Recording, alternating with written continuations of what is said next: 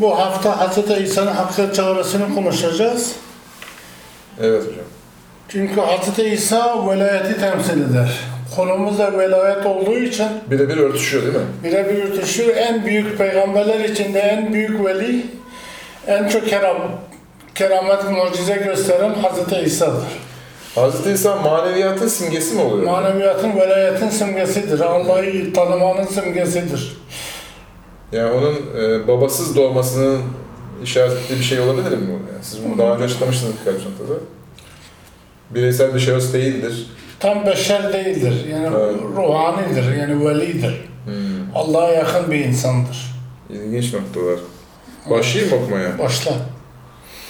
Hazreti İsa'nın hakikat çağrısı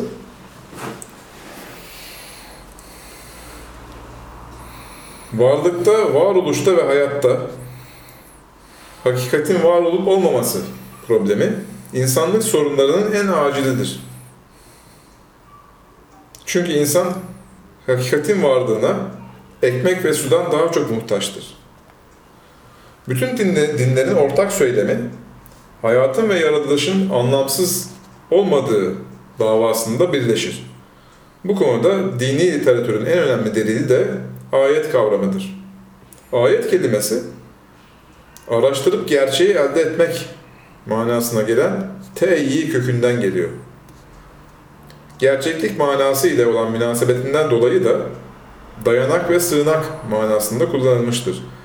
Çünkü e, insan varlıkta eğer bir mana ve gerçeklik bulursa ancak kendine hakiki bir dayanak ve sığınak bulur.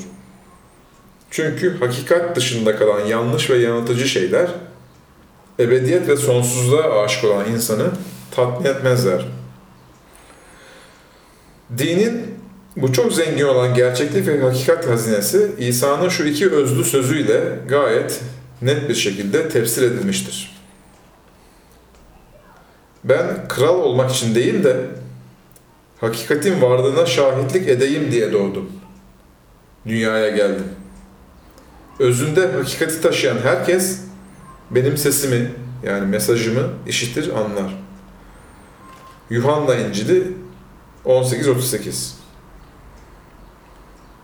Siz hakikati bileceksiniz, hakikat sizi özgür kılacaktır.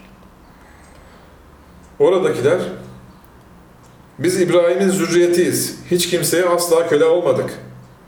Dolayısıyla özgür olacaksınız sözün ne manası var dediler.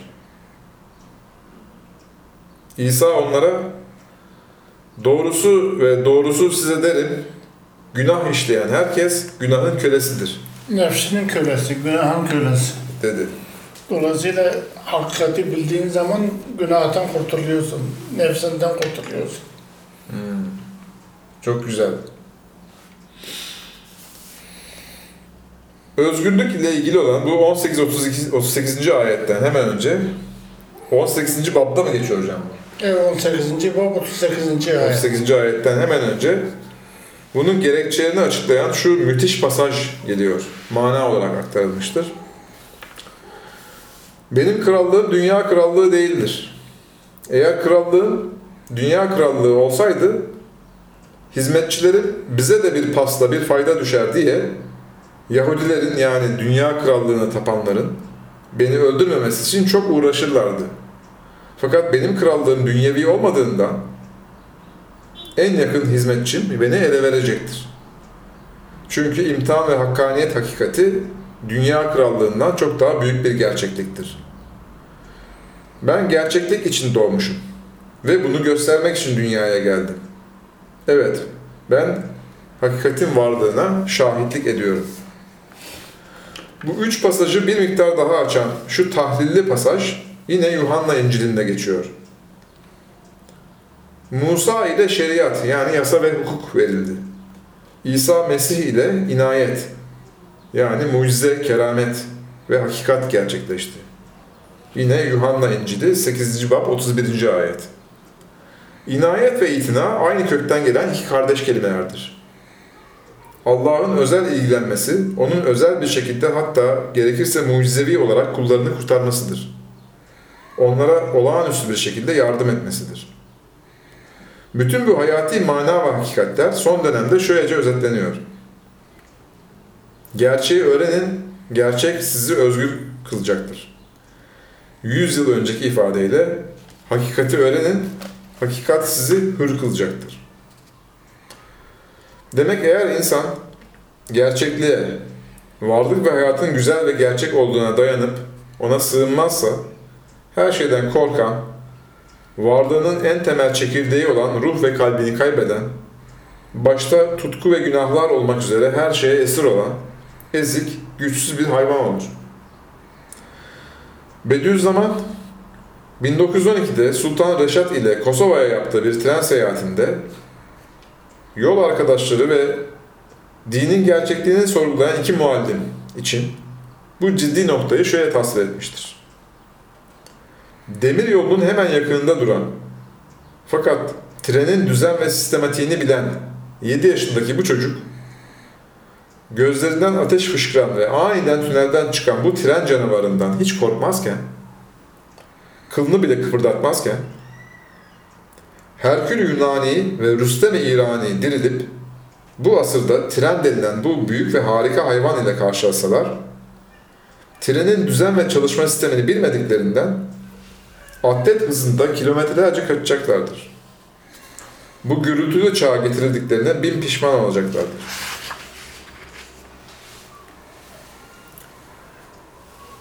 Hz. İsa'nın birçok mucize göstermesinin maksadı bu hakikat meselesidir.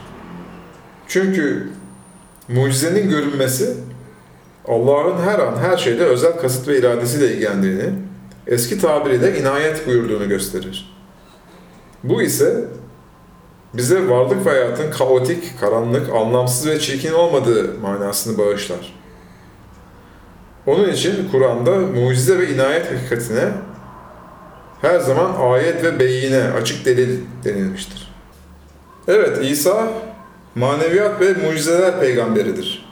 Fakat hakikati yakalama ve yaşama yolunda yine de insanlara şöyle sesleniyor.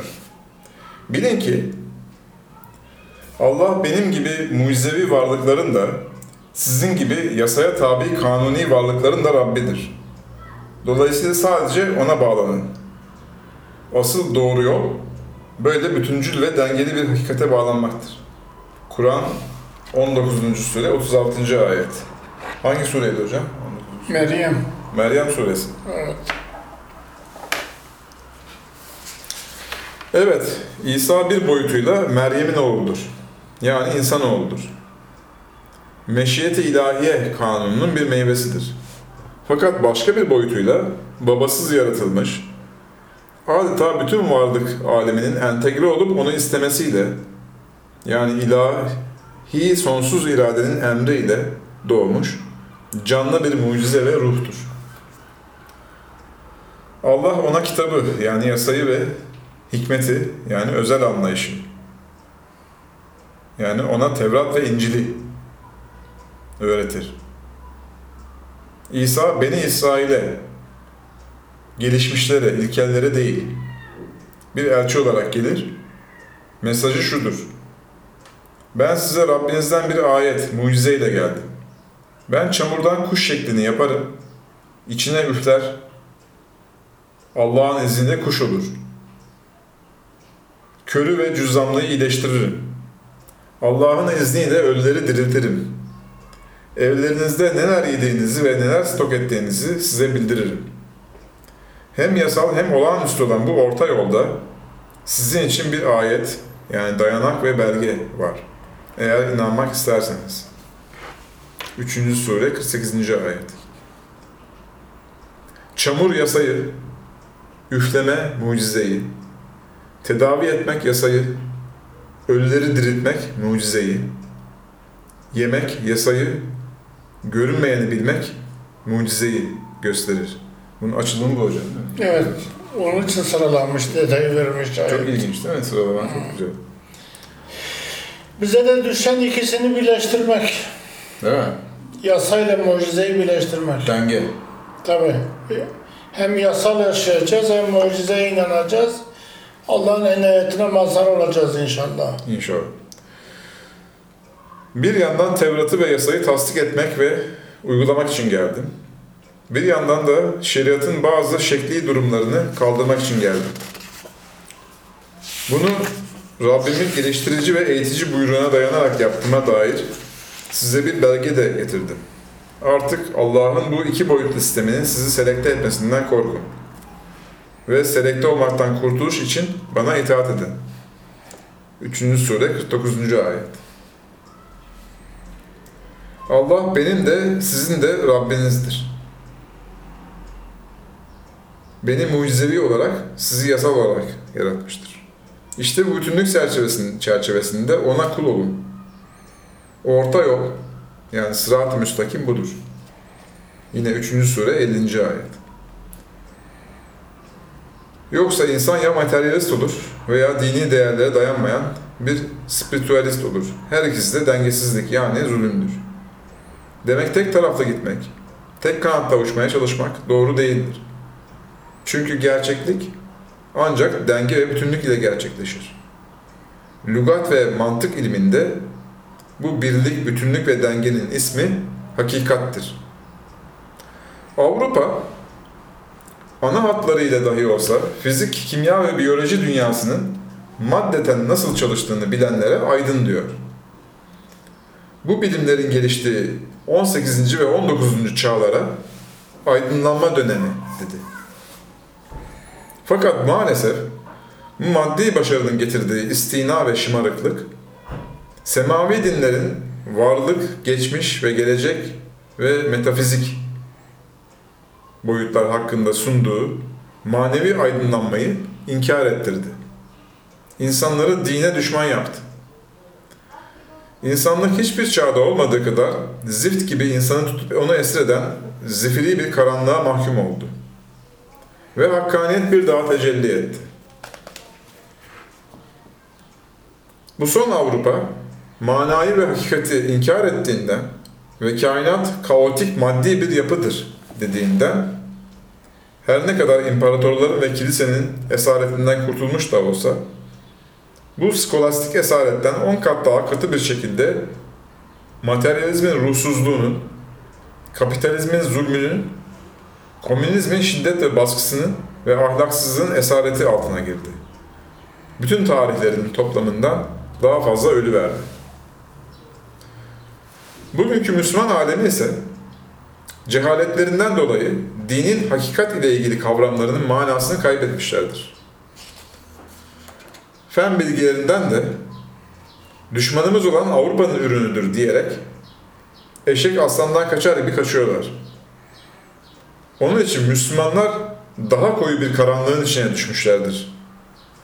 Mesela dini yayınlar fuarına uğrarsanız dinin gerçekliği ve mucizeliği ile maneviyat ve irfan ile varlık ve felsefe ile ilgili yeni yazılmış, ciddi, kapsamlı bir kitap bulamazsınız. Fakat fetva, folklor, müzik, siyasi ve erotik çalışmalar, yüzlerce şaşalı ve kocaman romanlar gözünüzü kamaştıracaktır. Beni satın al diye sizi tahrik edecektir. Bu kardeşiniz bu satırları karalarken amacım insanlığı şu tehlikeli durumdan kurtarmaktır. Eğer bugünkü gibi bütün zihinler, bütün gündem, bütün kaynaklar çirkef, çirkin ve yalan olan siyasi çekişmelere kayarsa, hakikat de, iman da, insanlık da bu çorak çağın verimsiz çölünde kaybolup gidecektir. Bu asrın büyük bir düşünürü ve mürşidi olan Bediüzzaman Said Nursi, tekrar da bu tehlikeye dikkatleri çekiyor. Çağdaş siyaset hakkında şöyle diyor. Bu asırdaki siyaset tamamıyla çıkar ve menfaate dayalıdır. Fedakarlık ve fazilete bedel, çıkar ve rüşvete dayalı olan bir siyaset, insanların yüzde seksenini mağdur eder. Çünkü böyle bir siyaset, kendi mağdurlarından dişinin kirasını bile zorla koparmaya çalışan bir canavardır. Şeytana melek, meleğe şeytan dedirten bir divaneliktir. Din ve ahlakı gündemden kaldıran Karun'un kapitalizmi gibi dinsizce bir projedir. İnsanları serseri ve geveze yapan bir destastır. Onun için gerçekten dindar olan kişiler siyasetçi olmadıkları gibi tam siyasetçi olanlar da dindar olamazlar. Sahabelerin dünyaya, mala, devlet işlerine çokça ve hırsla karışmaları ise dünyevi nefsani çıkar ve menfaat için değildi. Çünkü onlar özel hayatlarında gayet takvalı, zahidane ve uhrevi yaşıyorlardı. Onların tek bir amacı vardı, doyurucu, dengeli ve sağlam iman esaslarına dayanan Kur'an medeniyetini bütün dünyaya hakim kılmak. 27. söz, 15. mektup, Kastamonu ve Emirdağ bir layıkaları. Maalesef bugünkü Müslümanların İslam'dan anladıkları durum, despot, dini sömüren keyfi bir saltanattır. Onun için hıyanet, yalan, hile ve tuzak kuran ve şeklen Müslüman görünen kişileri sahabi olarak görüyorlar. Ebu Zer, Ali İbn Mesud ve Ammar gibi inancın, adalet ve takvanın önceli olan zirve şahsiyetleri İslam siyasetini bilmemekle itham ediyorlar. Bediüzzaman'ın asıl varisi olduğunu iddia eden bir hareket, gazetelerinin köşelerinde ve kürsülerinde Emevileri eleştirenler şeytanların ta kendileridir diye yazabiliyorlar. Çünkü onların siyaset ve cihat anlayışı Roma ve Emevi devletlerinin idare anlayışıdır. Dini bilgi seviyeleri bugünkü hurafeleşmiş kilisenin taklitli inanç ve bilgi seviyesidir. Ahlak anlayışları Engizisyon tarzında adam harcamaktır. İlginçtir ki bunlar ve kilise mağlup oldukları materyalizme karşı aynı bilgileri aynı şekilde yani kendileri bile doğruluğuna inanmadıkları bir propaganda tarzında kullanıyorlar. Evet, bugünkü Müslümanları ve Hristiyanların bilimsel veriler ismi altında kullandıkları o bilgilerin çürüklüğü ve yüzeyselliği din ve hakikatin ölmesi için tek başına yetiyor. Bunun acıklı iki delilini burada siz değerli dostlarıma aktarıyorum. Bunlar iki zattan iki önemli demeç. Biri kadim, biri çağdaş. Bu iki demeçten ve dinler arası diyalog denilen politik davranışlardan dinin, inancın samimiyet ve hakikatin nasıl kaybolduğunu göreceksiniz. Fatih Sultan Mehmet bilgili ve dindar bir şahsiyet olduğundan inancın gerçekliğini ve evrenselliğini biliyordu. Onun en önemli amaçlarından biri tebaasının özgürce ve samimi olarak dinlerini yaşaması, ahlaksız ve dinsiz kalmamasıydı. O bu temel amaç ile şu kısa ve öz bir demeci yayınlamıştı. Sayın Ali Bardakoğlu TV24'te bu demeci aynen aktardı. Ben Yahudi'yi havrada, Hristiyanı kilisede, Müslümanı camide görmek istiyorum. Fakat Diyanet İşleri Başkanı olarak Profesör Doktor Ali Bardakoğlu buna ters bir mesaj verdi. Bu muhterem zat, dinin manasını, varlıktaki hakikati, Kur'an'ın yüzden fazla ayetinin mucizevi manasını bilmediğinden dinsizleri haklı çıkartacak şöyle bir demeç verdi. 18 Ağustos 2010 tarihli TV24 programında. Evet. Hristiyanlık bugün artık batıl bir din de olsa, Hristiyan ve Yahudiler cehennemlik de olsa, İslamiyet'in son din, tek hak din olduğunu biliyorsak da, diğer dinlere ve tabilerine hoşgörülü davranmak zorundayız. Bu hoşgörü ecdadımızdan bize kalan bir mirastır.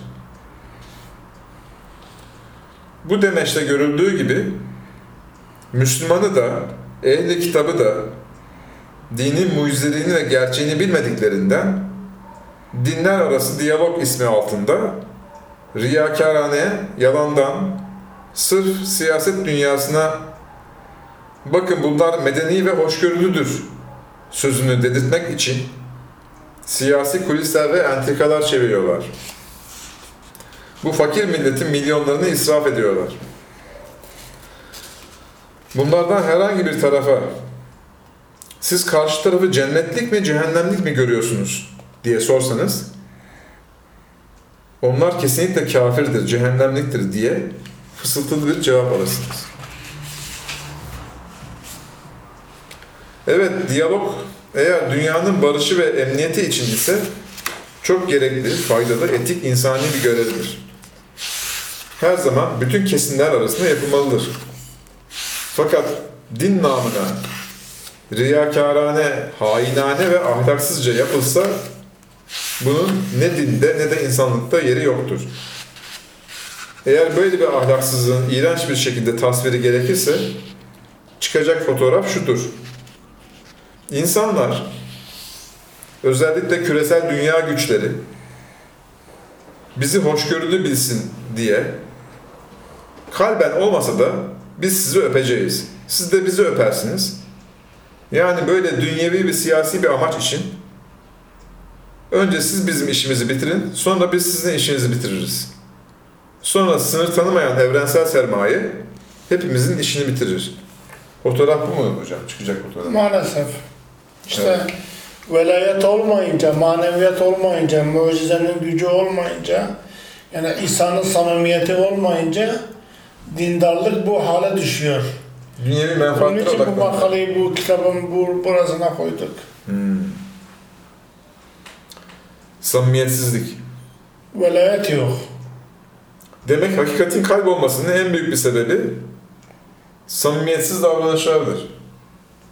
Demek eğer dinlerin hakikatinin bir olduğu bilinse, ehli kitabı Müslümanlarla eşit tutan Kur'an'ın yüz ayeti anlaşılsa, İsa'nın saf, soyut, samimi ve yüzde yüz gerçekliği gösteren din anlayışı yaşansa, bir nevi deccallık olan, riyakarane ve yalan olan bu gibi işler yeryüzünde kendine yer bulamaz.